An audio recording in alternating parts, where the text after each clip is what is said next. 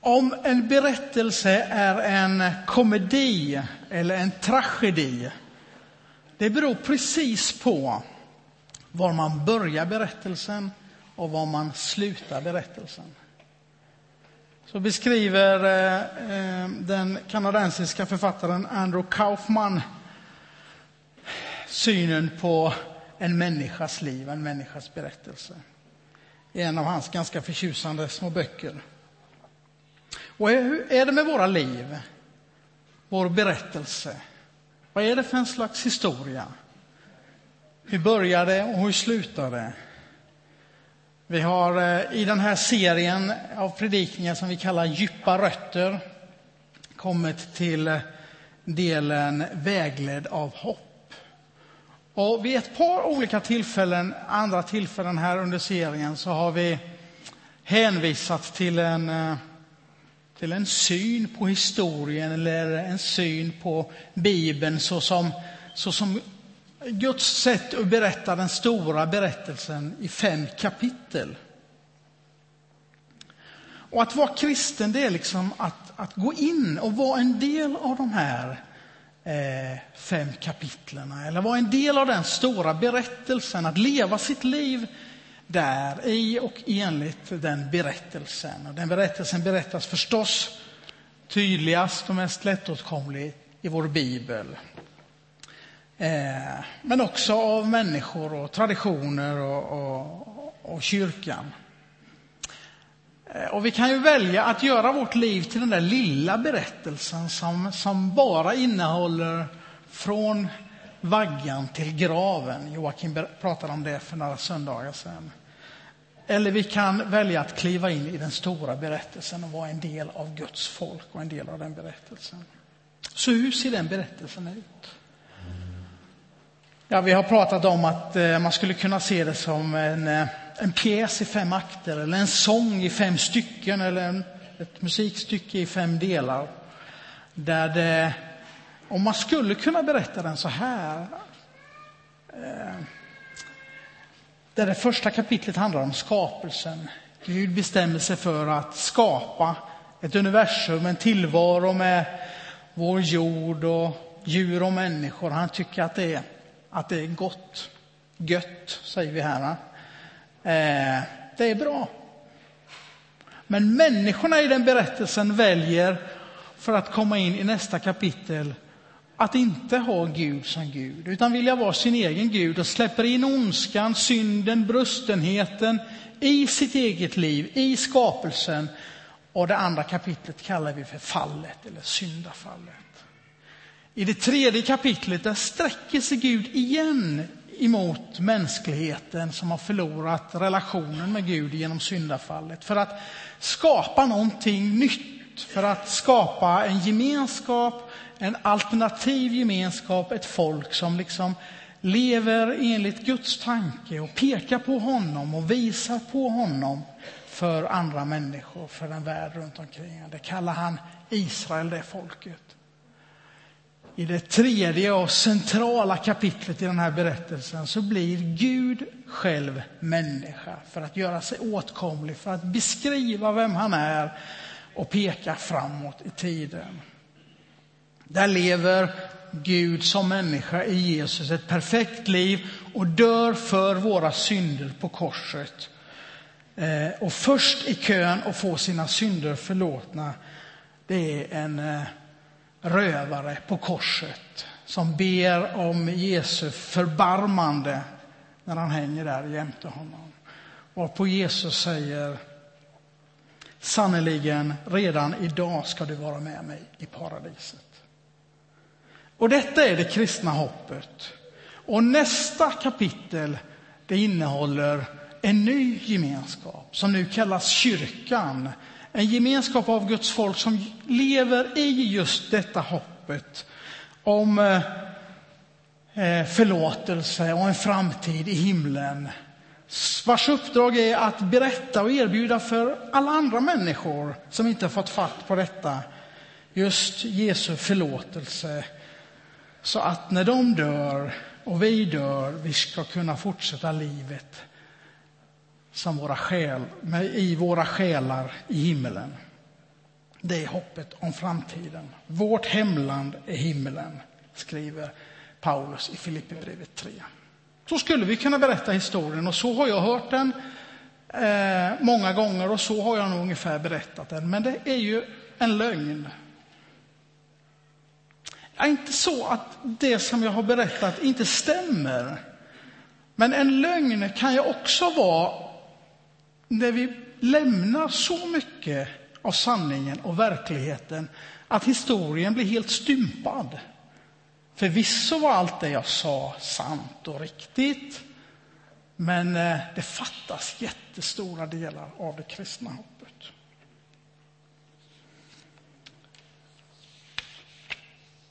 För om vi läser berättelsen så, om vi tänker berättelsen så, så är det svårt, tycker jag, att få ihop stora delar av Jesu eget liv.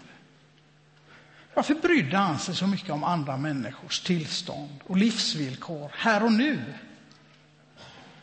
Varför ägnade han en massa tid åt att försöka hjälpa fattiga, undanskuffade, sjuka och framför allt döda? Varför uppväckte han döda tillbaks till livet när hoppet var ett själsligt liv i himlen? Är det bara liksom partytricks för att visa att han var gudomlig, något mer än du och jag och alla de omkring honom? Och detta livet här och nu för oss?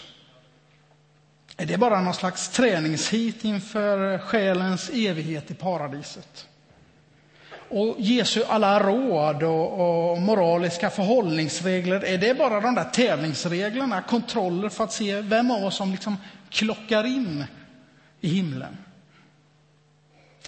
Nej, jag tror vi behöver lägga till det som jag inte tog med i berättelsen, i den stora berättelsen. I Filipperbrevet 3 så ska vi läsa bara ett par verser. Filipperbrevet 3, vers 20 och 21. Så läser vi hela de verserna jag var och nosade på nyss. Sidan 845 för dig med en röd lånebibel. Det är Paulus som skriver. Han skriver vårt hemland är himlen och därifrån väntar vi också den som ska rädda oss, Herren Jesus Kristus. Han ska förvandla den kropp vi har i vår ringhet så att den blir lik den kropp han har i sin härlighet. Ty han har kraft att lägga allt under sig. Paulus gör tre viktiga tillägg till min eh, förenklade historia, berättelse. Han skriver att det finns en annan riktning i det där viktiga som sker än den jag pekade på. Det viktiga var inte härifrån till himlen. Det viktiga är därifrån och hit. Från himmelen till jorden, det är den viktiga rörelsen. Det är hoppets rörelse. Det andra är den förvandlade kroppen. Det handlar om en fysisk verklighet.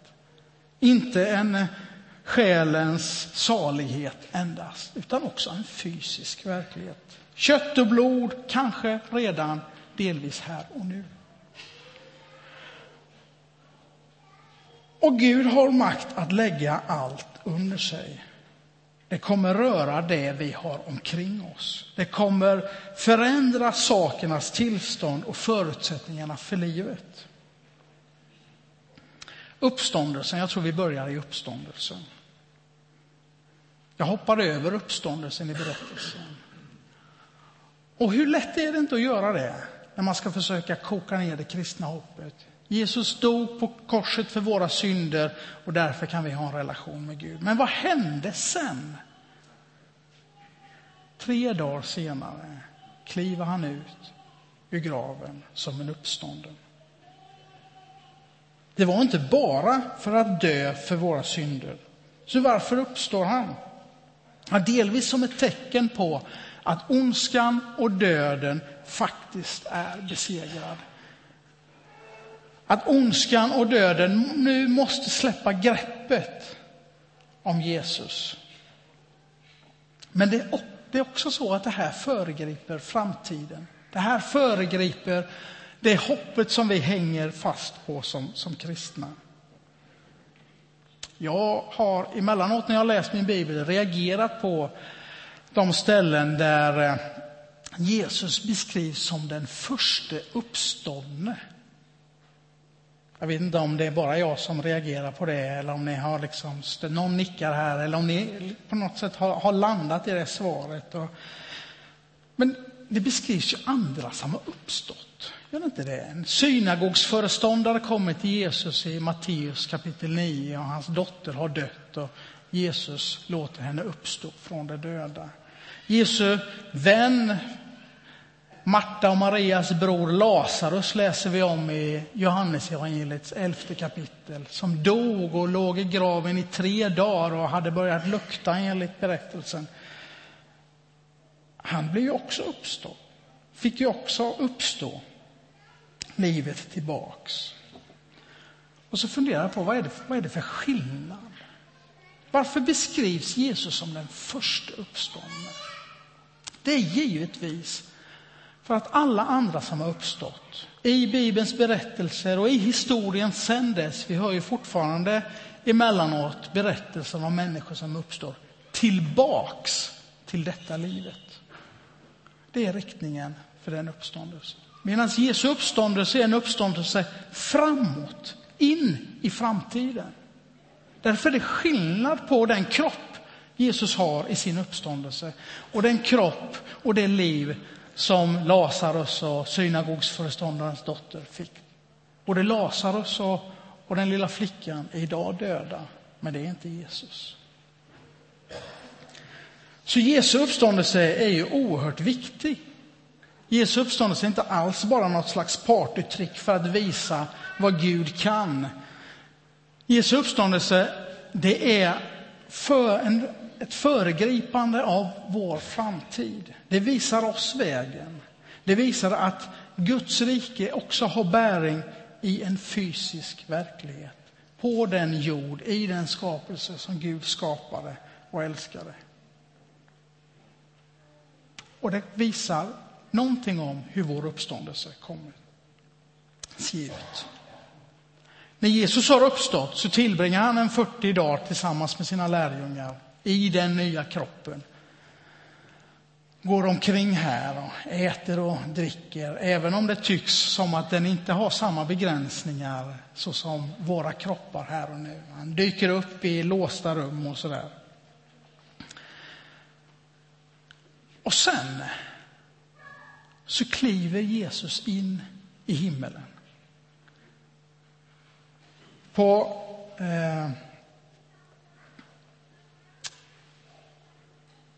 På Kristi himmelsfärdsdag kliver Jesus in i en annan sfär. Med kropp och allt. Han tas upp till himlen, står det. Och det där med upp och ner och, och, och, och de där eh, direktiven eller riktningarna, det handlar inte om upp och ner i en fysisk geografisk verklighet. Det handlar ju om upp och ner mer på ett sätt som att när man har gått i första klass så flyttar man upp i andra klass och när man har gått i andra klass så flyttar man upp i tredje klass. Eller om man har växt ur sina byxor i, eh, i storlek 34 så får man byta upp sig till en storlek eh, 36 eller vad det nu kan vara. På det sättet, mer kvalitetsmässigt än riktningsmässigt, så kliver Jesus upp i himmelriket. Han kliver in i Guds sfär, i Guds dimension, som inte är en del av denna skapelse men som inte heller är en eh, icke-fysiskt, bara andlig del av någon annan skapelse. Utan Guds dimension är Guds dimension, det är i himmelriket, där Jesus Kristus i sin nya uppståndelsekropp kan kliva in.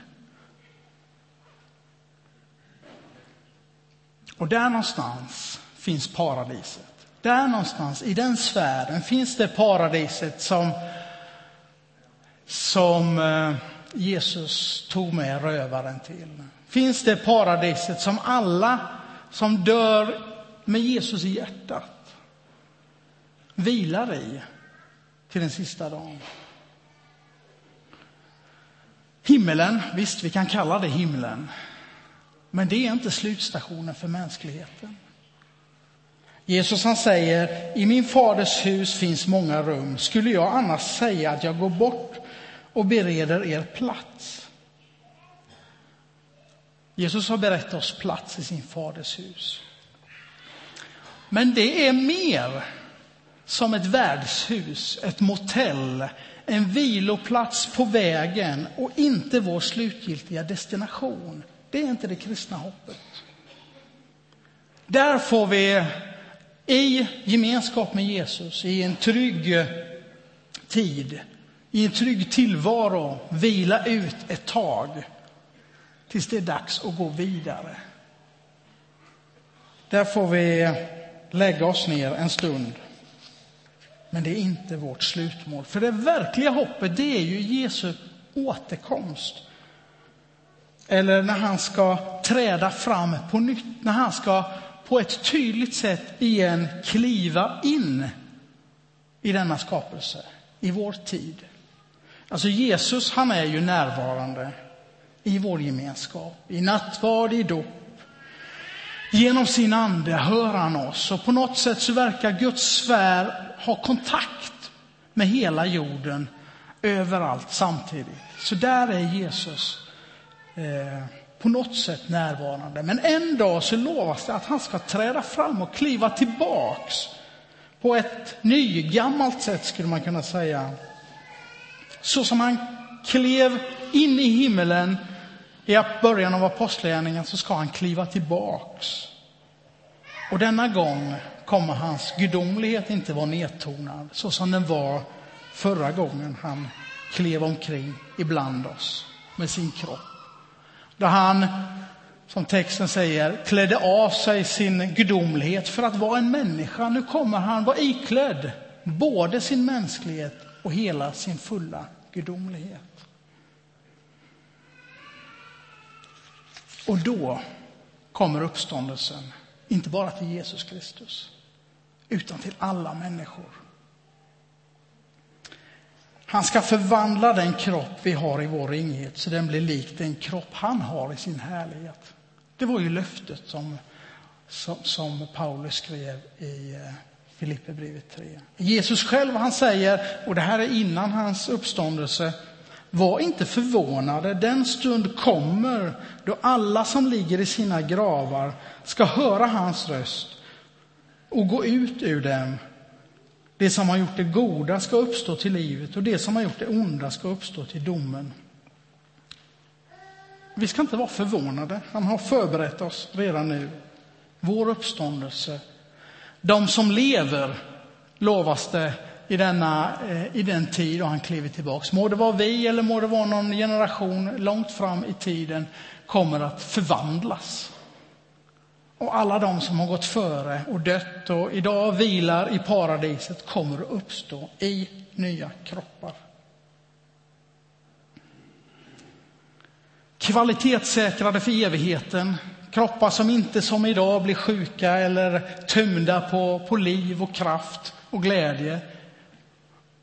På något sätt väldigt olika, men på något sätt väldigt lika. Lärjungarna kände inte igen Jesus men när de tittade närmare på honom så kände de igen honom. Han verkade inte vara begränsad av tillvaron så som vi är begränsade av tillvaron. Ändå så levde han ett tydligt fysiskt liv där man kunde umgås med honom, där han åt och drack. Så på något sätt så, och här får väl vår fantasi liksom eh, spinna runt för att vi ska kunna eh, tänka och fundera kring hur det kommer vara. Men riktigt hur det kommer vara, det är nog svårt att landa i och det är svårt att ifrån Bibeln eh, utröna exakt. Men på något spännande sätt kommer det bli. Vi blir både lika och olika. Och i den rörelsen, när han kliver tillbaks in i tid och rum, så kommer också han lägga allt under sig. Domen kallar vi det och det kan ju skapa en del eh, oroskänslor i oss. Men framför allt handlar domen om att ondska döms och fördrivs. all brustenhet, all egoism, all ondska som du och jag och hela mänskligheten och hela vårt skapelse är drabbad av kommer att dömas och drivas undan. Även vår egen. Så det blir en glädjens dag för alla oss som kämpar och önskar bli av med vår egen brustenhet och ondska.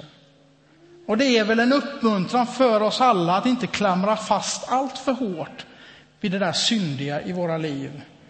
För att en dag, om inte förr, vid domens dag, så måste vi släppa det. Och domens dag är ju inte alls någon sån här klurig slutentamen för att se vem som har pluggat in rätt svar. Det är en dag när livet segrar över döden och rättvisan över orättvisan etc. Och det här skapar möjlighet till den nya skapelse som Bibeln lovar, som är målet för oss. Eller som eh, teologen Anti Wright skriver, det är inte livet efter detta som är målet, utan det är livet efter livet efter detta som är det kristna hoppet. En ny skapelse, en ny himmel och en ny jord som betyder att himmelriket tränger in helt och fullt i vår skapelse. Vi sjöng om pärleporten.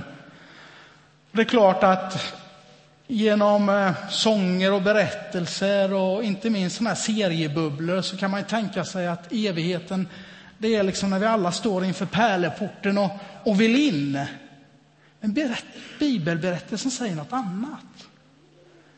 Att när evigheten träder in, då öppnas pärleporten och så kommer hela himlen ut och svämmar över jorden. Och himmel och jord gifter sig och sammanfogas. Så då finns det ingen utrymme för ondska och död och sjukdom kvar.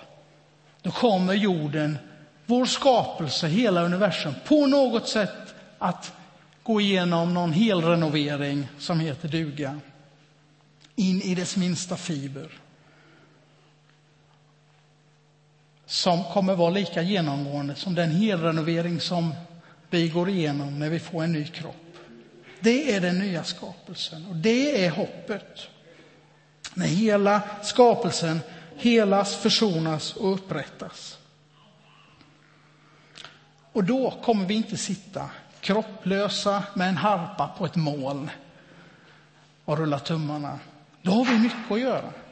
Då ska vi förvalta den skapelsen som det var tänkt att vi skulle förvalta den här skapelsen en gång från början i nära relation med skaparen själv. Tillbaks till Guds grundtanke med mänskligheten. Så vad har det här för betydelse? Eller som min kompis Ola skrev på Facebook häromdagen när vi hade en liten, eh, en liten diskussion. Blir det några konsekvenser för oss beroende på hur den här frågan besvaras? Eller är frågan av typen är högtalarkabel X bättre än högtalarkabel Y? En rolig fråga att diskutera, men i det större perspektivet tenderar till att bli ren teori. Då, vi själva, då det i själva verket ju handlar om den musik som strömmar genom kablarna. Jag vet inte om den diskussionen gick helt över och bortom ditt huvudintresse. Men, men eh, det fångar nog vad Ola har ägnat sitt liv åt. Alltså blir det här teologiska hårklyverier som gör varken till eller från när du går härifrån. Paulus tycker inte det. Han ägnar första Korinthierbrevet 15 eh, åt att utröna det här med uppståndelsen och, och, våra nya kroppar och hur det kommer gå till. Och sen så slutar han hela hela eh, det kapitlet med att säga stå därför fasta och orubbliga, mina kära bröder. Och ge, ge ut er helt i arbetet för Herren. Ni vet ju att han inte låter er möda vara förspilld. Alltså det betyder att det livet vi har här och nu, för det livet vi har här och nu kommer detta göra stor skillnad. För det vi gör här och nu, det har betydelse. Det har stor betydelse. För det, det livet Jesus levde här och nu när han gick omkring, det hade stor betydelse och fick stor mening. I varje handling av upprättelse, helande och förlåtelse så föregår Jesus himmelrikets och jordens förening när Guds rike kommer. För himlen är inte långt borta, som han säger. Och himmelriket, det finns redan här och nu. Så när du och jag, när vi upprättar, helar och förlåter, så förbereder vi för evigheten. Denna jorden och denna skapelse med dess invånare, det är inte Guds slit och släng-värld i väntan på något bättre som, eh, som det bara blir fel med, utan det är denna världen som han vill upprätta, rädda, frälsa och förlösa. Jag pratade med en kvinna häromdagen som sa att när jag lämnade eh, eh, SSU, Socialdemokratiska ungdomsförbundet, och blev miljöpartist, då blev jag så lycklig. Då blev livet hoppfullt igen.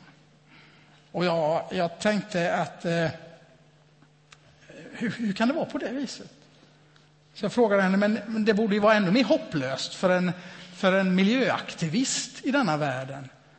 Det verkar ju som att vi inte har några möjligheter alls till att ställa till rätta det som vi människor har, har förstört och smutsat ner och, och, och satt igång. Vi är alldeles för sent ute och det verkar ju på de flesta eh, eh, som om det går åt pipan med miljön. Om, tänkte jag.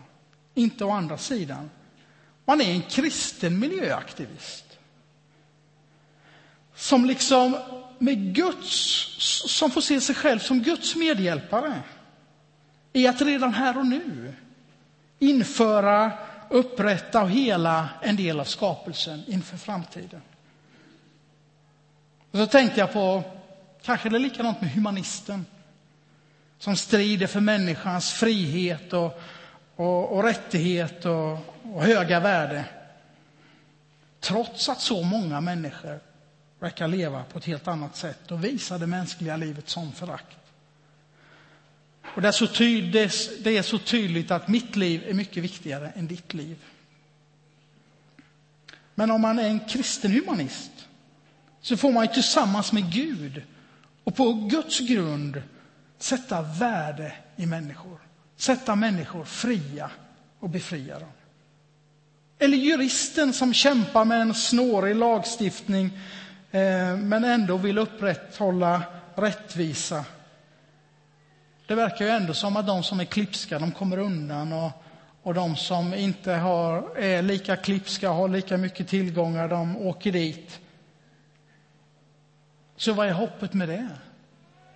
Om man inte är en kristen jurist och känner att med Gud så får jag kämpa för Guds rättvisa och rättfärdighet, att den sprids. Så I ofullkomligheten här och nu får vi ändå förebåda Guds fullkomliga rättvisa. Eller kapitalisten som förvaltar och förmerar kapital.